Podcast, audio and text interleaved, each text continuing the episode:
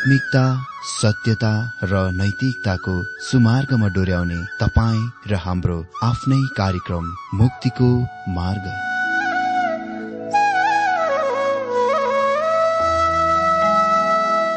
आदरणीय श्रोता यस मुक्तिको मार्ग कार्यक्रममा हार्दिक स्वागत छ आशा छ यस आत्मिक कार्यक्रमद्वारा जीवनमा आत्मिक आशिष अलौकिक शान्ति र आनन्द प्राप्त गर्नुहुनेछ। र जीवनमा धन्य अनुभव गर्नुहुनेछ। आउनुहोस् श्रोता। मन र आत्माको तयारीको लागि यो मिठो अनि मधुर भजन गीत सुनौ।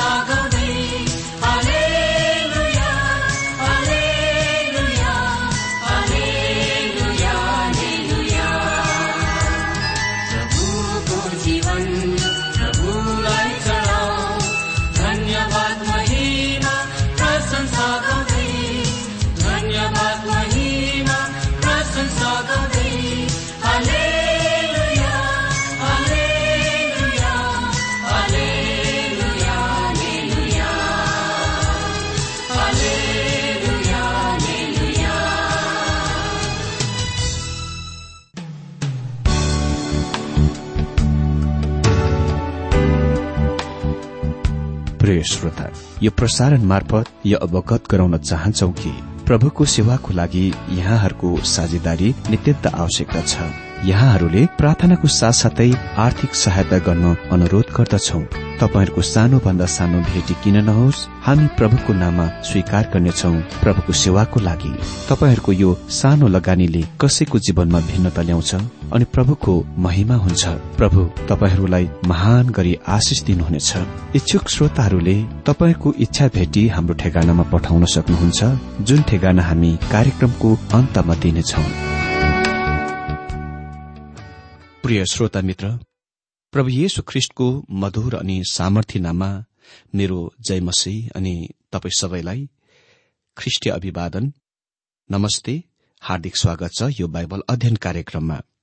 श्रोता आज हामी यस विषयबाट बाइबल अध्ययन गर्न गइरहेका छौं। अमर्यादाको अपवित्रताको लागि पुजारीहरूलाई निन्दा वा फटकार। अनि हामी यही विषयबाट अर्को दिनमा अर्को कार्यक्रममा पनि देख्नेछौ। आज हाम्रो अध्ययनको शास्त्र खण्ड हुनेछ मलाकी एक अध्यय छदेखि आठ पदसम्म। आउनुहोस् एक अध्यय छ पद हेर्दै अगाडि बढौं। यहाँ यस प्रकार लेखिएको छ छोराले बाबुको र नोकरले मालिकको मान गर्दछ। यदि म बाबु हो भने मलाई दिनुपर्ने मान खोइ त। यदि म मालिक हो भने मेरो आदर खोइ त। सर्वशक्तिमान परमप्रभु भन्नुहुन्छ। ए पुजारीहरू हो तिमीहरू नै मेरो नौको अवहेलना गर्दछौ। तर तिमीहरू सोध्छौ हामीले कसरी तपाईँको नौको अवहेलना गर्यौं? छोराले बाबुको र नोकरले मालिकको मान गर्दछ। यदि म बाबु हो भने मलाई दिनुपर्ने मान खोइ त। अहिले म यो कुराको स्पष्ट पार्न चाहन्छु कि परमेश्वर कहिले पनि प्रत्येक इसरायल व्यक्ति विशेषको पिता हुनुहुन्नथ्यो अरू त के मोसा र दाउदका सम्बन्धमा भनिएको सर्वोत्तम कुरा यो थियो कि तिनीहरू यहोबा परमप्रभुका दास वा सेवकहरू थिए। प्रत्येक परमेश्वरका सेवक थिए। तर परमेश्वरले सम्पूर्ण इसरायल राष्ट्रलाई चाहिँ आफ्नो पुत्र वा छोरा भन्नुहुन्छ। यहाँ उहाँ तिनीहरूलाई याद दिलाउनुहुन्छ कि उहाँको यो सम्बन्ध राष्ट्रसँग छ। यदि म मालिक हो भने मेरो आदर खोइ त। सर्वशक्तिमान परमप्रभु भन्नुहुन्छ ए पुजारीहरू हो तिमीहरू नै मेरो नाउँको अवहेलना गर्दछौ। तर तिमीहरू सोद्धछौ कि हामीले कसरी तपाईँको नाउँको अवहेलना गर्यौं। तिनीहरूका अति नै धेरै गरेर मनमा चोट पर्यो। जब परमेश्वरले तिनीहरूलाई यसको बारेमा भन्नुभयो तिनीहरू भन्छन् ओ हामी त अति नै असल ईश्वर भक्त जनहरू हौ। हामी मन्दिरमा जान्छौं। हामी सम्पूर्ण धार्मिक अनुष्ठानहरूका पालन गर्छौं। हामी धेरै इमान्दार र विश्वासयोग्य छौं र हामी इसरायलका सम्पूर्ण राष्ट्रका खास खामाहरू हौ। अनि यता चाहिँ तपाईँ हामीलाई आशिषको सट्टा आरोप लगाउनुहुन्छ कि हामीले तपाईँको नाउँको अवहेलना गर्यौं। कसरी हामीले तपाईँको नाउँको अवहेलना गरेका छौं? भनिएको छ छपदमा छोराले बाबुको र नोकरले मालिकको मान गर्दछ। यदि म बाबु हो भने मलाई दिनुपर्ने मान खोइ त। यदि म मालिक हो भने मेरो आदर खोइ त। सर्वशक्तिमान परमप्रभु भन्नुहुन्छ ए पुजारी हो तिमीहरू नै मेरो नाउँको अवहेलना गर्दछौ तर तिमीहरू सोध्छौ हामीले कसरी तपाईँको नाउँको अवहेलना गर्यौं? यो कुनै त्यस्तो कुरा हो जुनले तिनीहरूका हृदय छुनु पर्ने थियो। तर यसले तिनीहरूलाई कति पनि छोएन किनभने तिनीहरूका हृदय कठोर भएका थिए। तिनीहरू अति नै धेरै अहंकारी हट्टी र आत्मनिर्भरका मानिसहरू थिए। तपाईँ तिनीहरूलाई जुनसुकै नाम दिन सक्नुहुन्छ। म यो विचार मान्ने व्यक्ति हुँ कि यो तस्विर खालि जवानहरूको लागि मात्र होइन तर सबै मानिसहरूको हो। हामी जवान मानिसहरूलाई कुरा नसुन्नेहरू हुन् भनेर दोष लगाउँछौ तर बुढा पाकाहरू पनि सुनिरहेका छैनन्। तिनीहरूले निश्चय नै परमेश्वरलाई सुनिरहेका छैनन्। परमेश्वरले इसरायललाई भन्नुभयो तिमीहरूले मेरो नाउँको अवहेलना गर्यो अनि तिनीहरू चोट पुर्याएका जस्तो गरी अभिनय गरे। तिनीहरूले यस्तो अभिनय गरे नाटक गरे वास्तवमा तिनीहरू जान्दैनन् कि उहाँ के को बारेमा बोलिरहनु भएको छ भनेर। स्पष्ट रूपमा भन्नुपर्दा तपाईँ त्यस दिनमा यरुसलेममा जानु भए तपाईँले भीड़का भीड़ मानिसहरू मन्दिरमा देख्नुहुन्थ्यो। तिनीहरूले आफ्ना बलिदानहरू लिएर आइरहेका थिए। तिनीहरू तमाम धार्मिक अनुष्ठान विधिहरूको पालन गरिरहेका थिए। तिनीहरूले बाहिर देखाउटीमा अति नै धार्मिक जनको बहाना गरे। देखाए। तिनीहरूका धार्मिक क्रियाकलापहरू अति नै धेरै आकर्षित र प्रभावित थिए। मलाई निश्चय छ कि हामी धेरैले भन्ने थियौं वास्तवमा यिनीहरू प्रभुभक्त झुण्डहरू हुन्। तिनीहरू निश्चय नै परमेश्वरको आर्दहेका छन्। सत्यताको बताउनु पर्दा तिनीहरू परमेश्वरबाट अति नै धेरै टाढामा थिए। वास्तवमा तिनीहरूका हृदयभित्र चाहिँ उहाँको नौको अवहेलना गरिरहेका थिए। सात पदमा भनिएको छ तिमीहरू मेरो वेदीका बिटुलो खाने कुराहरू चढाउँदछौ तर तिमीहरू सोध्छौ हामीले तपाईँलाई कसरी बिटुलो पार्यौं र परमप्रभुको टेबिल घिनलाग्दो छ भनेर। मित्र तिनीहरूले भने कि त्यो घिनलाग्दो छ भनेर।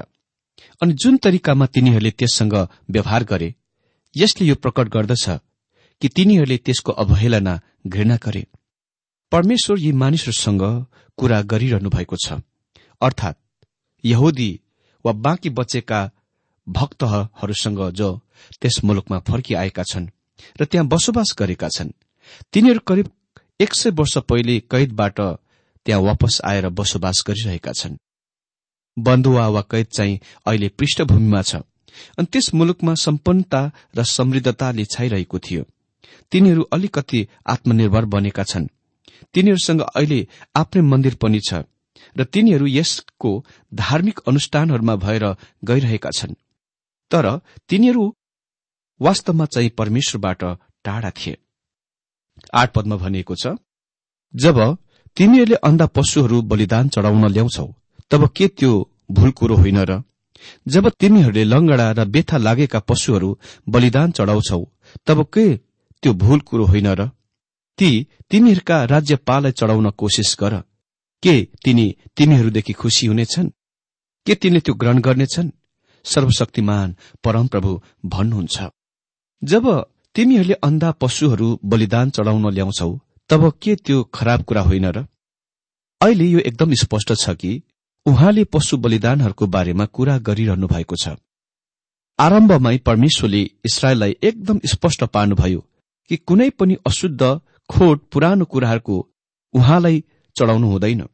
अर्को शब्दमा जब तपाई बचाउ दलहरूलाई वा गरीबहरूलाई लगाइसकेको कपडा पोषकहरू दिनुहुन्छ यसको बारेमा गर्व नगर्नुहोस्। यो सोच्दै कि परमेश्वरबाट तपाईँले प्रशंसा पाउनुहुनेछ। मलाई अबुझाइ नगर्नुहोस् लगाइसकेका कपडाहरू पोषकहरूलाई गरीबहरूलाई बाँड्न सकिन्छ। तर तपाईँले बलिदानिक रूपमा त्यसको परमेश्वरलाई दिइरहनु भएको छैन। जब तपाईँ त्यस प्रकारको चिज दिनुहुन्छ परमेश्वरले तिनीहरूलाई दिनुभयो। दिनुभएको निर्देशनहरूको सुन्नुहोस्। लेबी बाइस सदिएको बीसदेखि तेइस पदमा खोट भएको जे छ त्यो तिमीहरूले नचढाउनु किनकि त्यो ग्रहणयोग्य हुने छैन। मेल बलि चढाएर परमप्रभुलाई आफ्नो भाकल पूरा गर्दा अथवा राजी खुशीको बलि चढाउँदा बथान वा बगालबाट लिइने पशु ग्रहणयोग्य हुनलाई त्यो सिद्ध र निष्कोट हुनुपर्छ। अन्धा चोट भएका अंगभंग भएका पाकेका घाउ भएका यस्तालाई तिमीहरूले परमप्रभुको निम्ति अग्निहोमको रूपमा वेदीमा नचढाउनु। तर अंगभंग भएको साँडे वा भेडा चाहिँ तिमीहरूले राजी खुशीको बलिदान चढाए हुन्छ तर भाकलको बलिदान चाहिँ त्यो ग्रहणयोग्य हुने छैन। परमेश्वरले तिनीहरूलाई भनिरहनु भएको छ कि तिनीहरूले चढाइरहेका बलिदान वास्तवमा प्रभु येशु ख्रिष्टको तस्विर थियो जो परमेश्वरको सिद्ध थुमा हुनुहुन्थ्यो जसले संसारका पापहरू उठाइ लानुहुनेछ। कुनै पनि असिद्ध अपूर्ण भेटी वा बलिदानहरू चाहिँ प्रभु येशु ख्रिष्टलाई अनादर र अपमानको कुरा थियो। कतै तिनीहरूले यसको लेबीको पुस्तकमा चुकाए तापनि गुमाए तापनि परमेश्वरले व्यवस्था पन्ध्र अध्यय एक्काइस पदमा तिनीहरूको लागि व्यवस्थाको अर्थ खुलाइदिनुहुन्छ। व्याख्या गरिदिनुहुन्छ। यहाँ यस प्रकार लेखेको छ कुनै लंगडा वा अन्धो भए अथवा अरू कुनै प्रकारको खोट त्यसमा भए त्यसलाई परमप्रभु आफ्ना परमेश्वरको लागि बलि नगर्नु। अहिले मलाकीको दिनमा केही यस्तो घटना घटिरहेको थियो। कल्पना गर्नुहोस् एप्राइमको पहाड़ी प्रदेशमा एकजना मानिस बसोबास गरेका छन् जससँग उत्कृष्ट पशु छ। उसले सधैँ पशु प्रदर्शनमा उत्कृष्ट पशुमा निलो रिबन लगाइदिन्छ। तर एक दिन उसको पशु डाक्टरलाई बोलाउँछ। डाक्टरले उसलाई भन्छ मलाई लाग्दैन कि त्यो बाँच्नेछ त्यो मर्नेछ त्यसकारण त्यो मानिसले भन्छ त्यस पशुलाई चाँडै चाँडै ट्रकमा लादौं गाडामा लादौं र मन्दिरमा लैजाउँ जहाँ म त्यसलाई परमप्रभुको निम्ति बलि गर्नेछु। अनि पुजारीहरूले देख्छन् कि त्यो पशु त बिरामी छ तर पनि तिनीहरूले उसको पशुलाई परमप्रभुको वेदीमा बलिदान चढ़ाउन इच्छुक हुन्छन्। किनभने त्यस विशेष व्यक्तप्रयमा एक विशिष्ट जाने मानेका मानिस हुन् ठूला बडा मानिस हुन्। अनि जब मानिसहरूले त्यस्तो उत्कृष्ट पशुलाई बलिदान गरिरहेका देख्छन् तिनीहरू भन्छन् त्यो फल्ना फल्ना व्यक्ति त वास्तवमा अति नै उद्धारचितका हुन्। हेर त उसले कस्तो उत्कृष्ट पशु बलिलाई बलि चढाइरहेका छन्। अनि यो आज हाम्रो दिनमा मण्डलीहरूमा पनि सत्य छ। पाउले भनेका कुराको याद राखौं। जुन अन्तिम दिनहरूमा हुनेछ दोस्रो तिमोथी तीन अध्ययको पाँच पदले भन्छ भक्तिको भेषता धारण गर्ने तर त्यसको शक्ति चाहिँ इन्कार गर्ने हुनेछन्। मानिसहरू अति नै धेरै आत्मिक भक्ति भावका हुनेछन्। आज यस्ता अभिनय गर्नेहरू हाम्रा दिनमा मण्डलीहरूमा कम छैनन्। पाउले तिनीहरूलाई भक्तिको भेषको धारणा गर्नेहरू भन्छन्। तिनीहरू हेर्दा एकदम विश्वासीहरू देखा पर्दछन्। तर तिनीहरू त्यस्ता कति पनि हुँदैनन्। एक दिन न एक दिन तिनीहरूले आफ्ना सत्य पहिचान देखाउनेछन्। या हामीले परमेश्वरको हफ्काईलाई खतरा संकेत र हाम्रो लागि रातो बत्तीको रूपमा विचार गर्नुपर्छ थाहा गर्नुपर्छ। यो ती मानिसहरूको लागि सन्देश हो जो अति नै धेरै कट्टरपन्थी छन् अति नै धेरै मण्डलीमा जान्छन् वचन सुन्छन् र तिनीहरू आफैलाई महान सम्झिन्छन् र तिनीहरू जहिले जहिले परमेश्वरको वचन सुनाइन्छ भन्छन् आमिन हाले लुया पनि भन्छन्। तिनीहरू तमाम आत्मिक भाषा जान्दछन् तिनीहरू। कहिले हाल्ले लुया भन्छन् कहिले जय मसी कहिले आमिन। कहिले भन्नुपर्ने तिनीहरूलाई थाहा छ? यी सबै कुरा तिनीहरूलाई थाहा छ।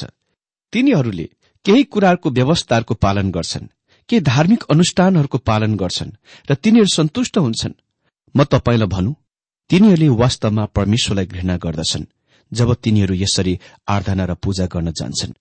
डाक्टर जी गेम्बेलले सालौं पहिले भनेका थिए मलाई बाहिर सड़कको अपवित्रताको भन्दा धेरै पवित्र स्थानको अपवित्रदेखि धेरै डर लाग्छ।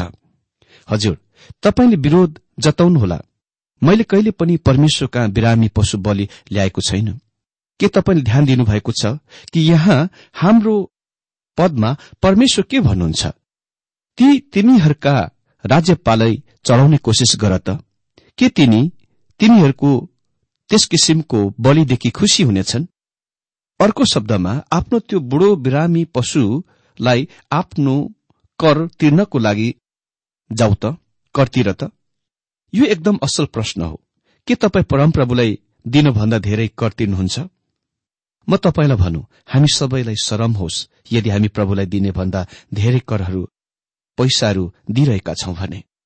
म विश्वास गर्दछु जब औसत मण्डलीहरूमा भेटीदान लिन्छ बाहिरी संसारमा भन्दा धेरै अपवित्रताले स्थान लिइरहेको हुन्छ। किन? किनभने त्यहाँ अति नै पाखण्डी बोक्रे कुरा आज पवित्र स्थानमा स्थान लिइरहेको छ। म एकजना व्यक्तिलाई जान्दछु जो अति नै धेरै धनी व्यापारी हुन्। उसले भेटीदान दिन मन पराउँछन् अनि उसले उदार चितले रूपियाँ पैसा पनि दिन्छन्। यदि तपाईँले भवनमा उसको नाम राखिदिनुहुन्छ भने। जब हाम्रो मुख्य कार्यालय खोल्दाखेरि हामीले केही मानिसहरूबाट सुझाव पायौं कि तिनीहरू भवन निर्माणको पैसा दिन इच्छुक थिए तर यदि त्यो भवन तिनीहरूका आदर सम्मानमा नामकरण गरे हामीले त्यस प्रस्तावलाई इन्कार गरिदियौं। हामीले भन्यौं जब तपाईँहरू यस सेविकाईलाई दिनुहुन्छ तपाईँ परमेश्वरको वचन बाहिर संसारमा दिने कामको लागि दिइरहनु भएको छ। उहाँको महिमाको निम्ति प्रभु येशुले यस्ता मानिसहरूको बारेमा धेरै कुरा भन्नुभएको छ। अनि त्यहाँ कोही कोही छन् जसले केही दिन्छन् अनि ठूलो तुरही फुक्छन् ड्रमहरू बजाउँछन्। प्रभु येशुले त्यस फरिसियरको बारेमा भन्नुभयो जो तल सड़क बाटोमा गरीबहरूलाई दिन गए। अनि त्यहाँ यसको बारेमा उसको निम्ति तुरही बजाउने वा फुक्ने कोही थियो। प्रत्येकले भने हेर त्यस फरिसीलाई के तिनी दानी होइनन् र उदारचितका होइनन् र? उनी त्यहाँ बाटामा सड़कमा गरीबहरूलाई पैसा दिइरहेका छन्। म एकजना धनी व्यापारी मानिसलाई जान्दछु जसले मलाई ठूलो होटलमा खान लगे। उसले अति नै महँगो खानपान गराए। त्यसपछि उसले वेटरलाई बक्सिसमा एक सय रूपियाँ दिए। त्यसपछि हामी मिटिङमा आयौं र भेटेको बेला उसले आफ्नो गोजीबाट दस रुपियाँ मात्र झिक्यो मैले सोचे उसले प्रभुलाई त्यस वेटरलाई जति पनि बक्सिस वा ट्रिप दिइन्। उसले त्यस वेटरलाई प्रभुलाई भन्दा नौ गुणा ज्यादा दिए। हामी बाइबलमा पढ्छौ कि एक दिन प्रभुले मन्दिरको भण्डारमा मानिसहरूले भेटी दान हालिरहेको बसेर हेरिरहनु भएको थियो। मित्र म विश्वास गर्दछु आज पनि प्रभुले उही गर्नुहुन्छ। आराधनाको दिनमा हामीले दिइरहेको कुरामा हेरिरहनुहुन्छ। आज हामी उहाँलाई कसरी दिइरहेका छौं? हामी कस्तो उहाँलाई दिइरहेका छौं? के हामी उद्धार चितले दिइरहेका छौं? या कर्कापले या देखाउनलाई दिइरहेका छौं? मित्र आज पनि बिरामी पशुहरू रूपी भेटी मण्डलीमा लगिन्छ। त्यो नै विधि इसरायलले प्रयोग गर्थ्यो। अनि परमेश्वरले त्यसको ग्रहण गर्नु भएन। यो अति नै चोट पार्ने कथन हो। उहाँको कुरा सुन्नुहोस्। आठ पदमा लेखिएको छ जब तिमीहरूले अन्धा पशुहरू बलिदान चढाउन ल्याउँछौ तब के त्यो भूल कुरो होइन र? जब तिमीहरूले लंगडा र बेथा लागेका पशुहरू बलिदान चढाउँछौ तब के त्यो भूल कुरो होइन र? ती तिमीहरूका राज्यपाललाई चढाउन कोसिस गर। के तिनी तिमीहरूदेखि खुशी हुनेछन्? के तिनले यो ग्रहण गर्नेछन्? सर्वशक्तिमान परमप्रभु भन्नुहुन्छ। मित्र यो नै परमेश्वर भन्नुहुन्छ। उहाँ यहाँ एकदम निश्चित तरिकामा भनिरहनु भएको छ तपाईँ उहाँका बिरामी पशु ल्याउन सक्नुहुन्न? तपाईँ आफ्नो कर बिरामी पशुले तिर्नुहुन्न। आज तपाईँ परमेश्वरलाई आफूले तिर्ने र खर्च गर्ने पैसा भन्दा धेरै दिइरहनु भएको छ? कि कम? तपाईँ यस कुरामा तर्क गर्नुहोला। मैले आफ्नो कुरा तिर्नै पर्छ। हजुर निश्चय नै तपाईँले तिर्नै पर्छ। तर प्रभुलाई दिने कुराको बारेमा नि के अनि त्यो चाहिँ प्रेमको आधारमा दिनुपर्छ। दशांश। होइन तर पन्ध्र बीस तीस वा पचास अंश। जब प्रभु येशुले भण्डारमा हेर्नुभयो धनी मानिसले दिएको देख्नुभयो अनि तिनीहरू उद्धार चेतले दिए तर उहाँले यसको निम्ति प्रशंसा गर्नु भएन। किनभने तिनीहरूले आफ्नो निम्ति अति नै धेरै सञ्चय गरिराखेका थिए। तर उहाँले गरीब विधवालाई देख्नुभयो अनि ती कम तामाका सिक्काहरू तिनले भण्डारमा खसालिन्। मन्दिरको धनको तुलनामा त्यो केही कति पनि थिएन। तिनले कति पनि दिइनन् तर प्रभु येशुले ती तामाका शिकारको ध्यान दिनुभयो लिनुभयो र त्यसलाई चुम्नुभयो। अनि उहाँले भन्नुभयो कि तिनले अरू कसै भन्दा धेरै दिन। अनि आज यस्ता धेरै प्रभुका जनहरू छन्। परमेश्वरलाई धन्यवाद। तिनीहरूकै दान र भेटीले सेविकैहरू चलिरहेको छ। मलाकीमा इसरायलीहरू अति धेरै चतुर भइरहेका थिए।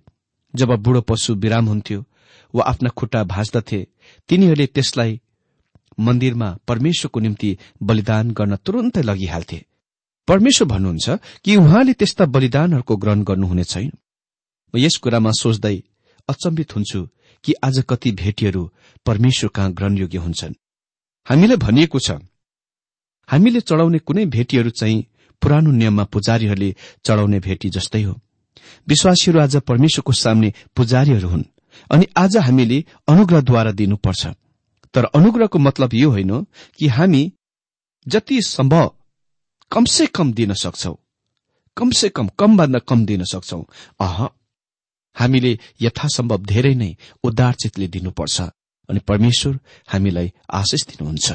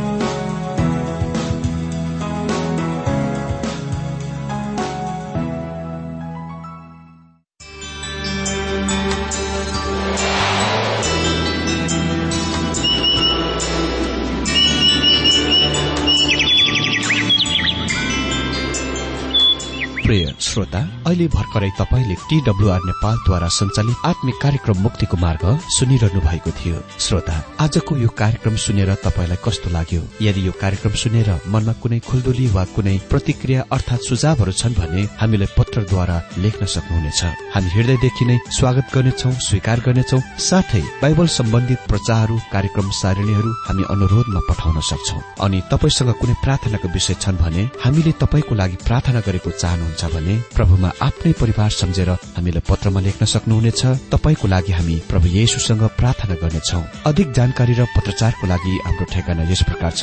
कार्यक्रम मुक्तिको मार्ग जीपीओ नम्बर उनानब्बे पचहत्तर इपिसी पच्चिस एकसठी काठमाडौँ। ठेगाना एकपल्ट सुन्नुहोला। कार्यक्रम मुक्तिको मार्ग जीपीओ नम्बर उनानब्बे पचहत्तर इपिसी पच्चिस एकसठी काठमाडौँ। हाम्रो इमेल एड्रेस हो TWR Nepal at Yahoo dot com साथै यस नम्बरमा एसएमएस गर्न सक्नुहुनेछ। अन्ठानब्बे चार सत्तरी पैतिस छ सय उनासी नौ आठ चार सात जिरो तीन पाँच छ सात नौ। हुन्छ श्रोता आजलाई हामी विदा चाहन्छौ। अर्को कार्यक्रममा हामी पुनः भेट्नेछौ तबसम्मलाई नमस्कार।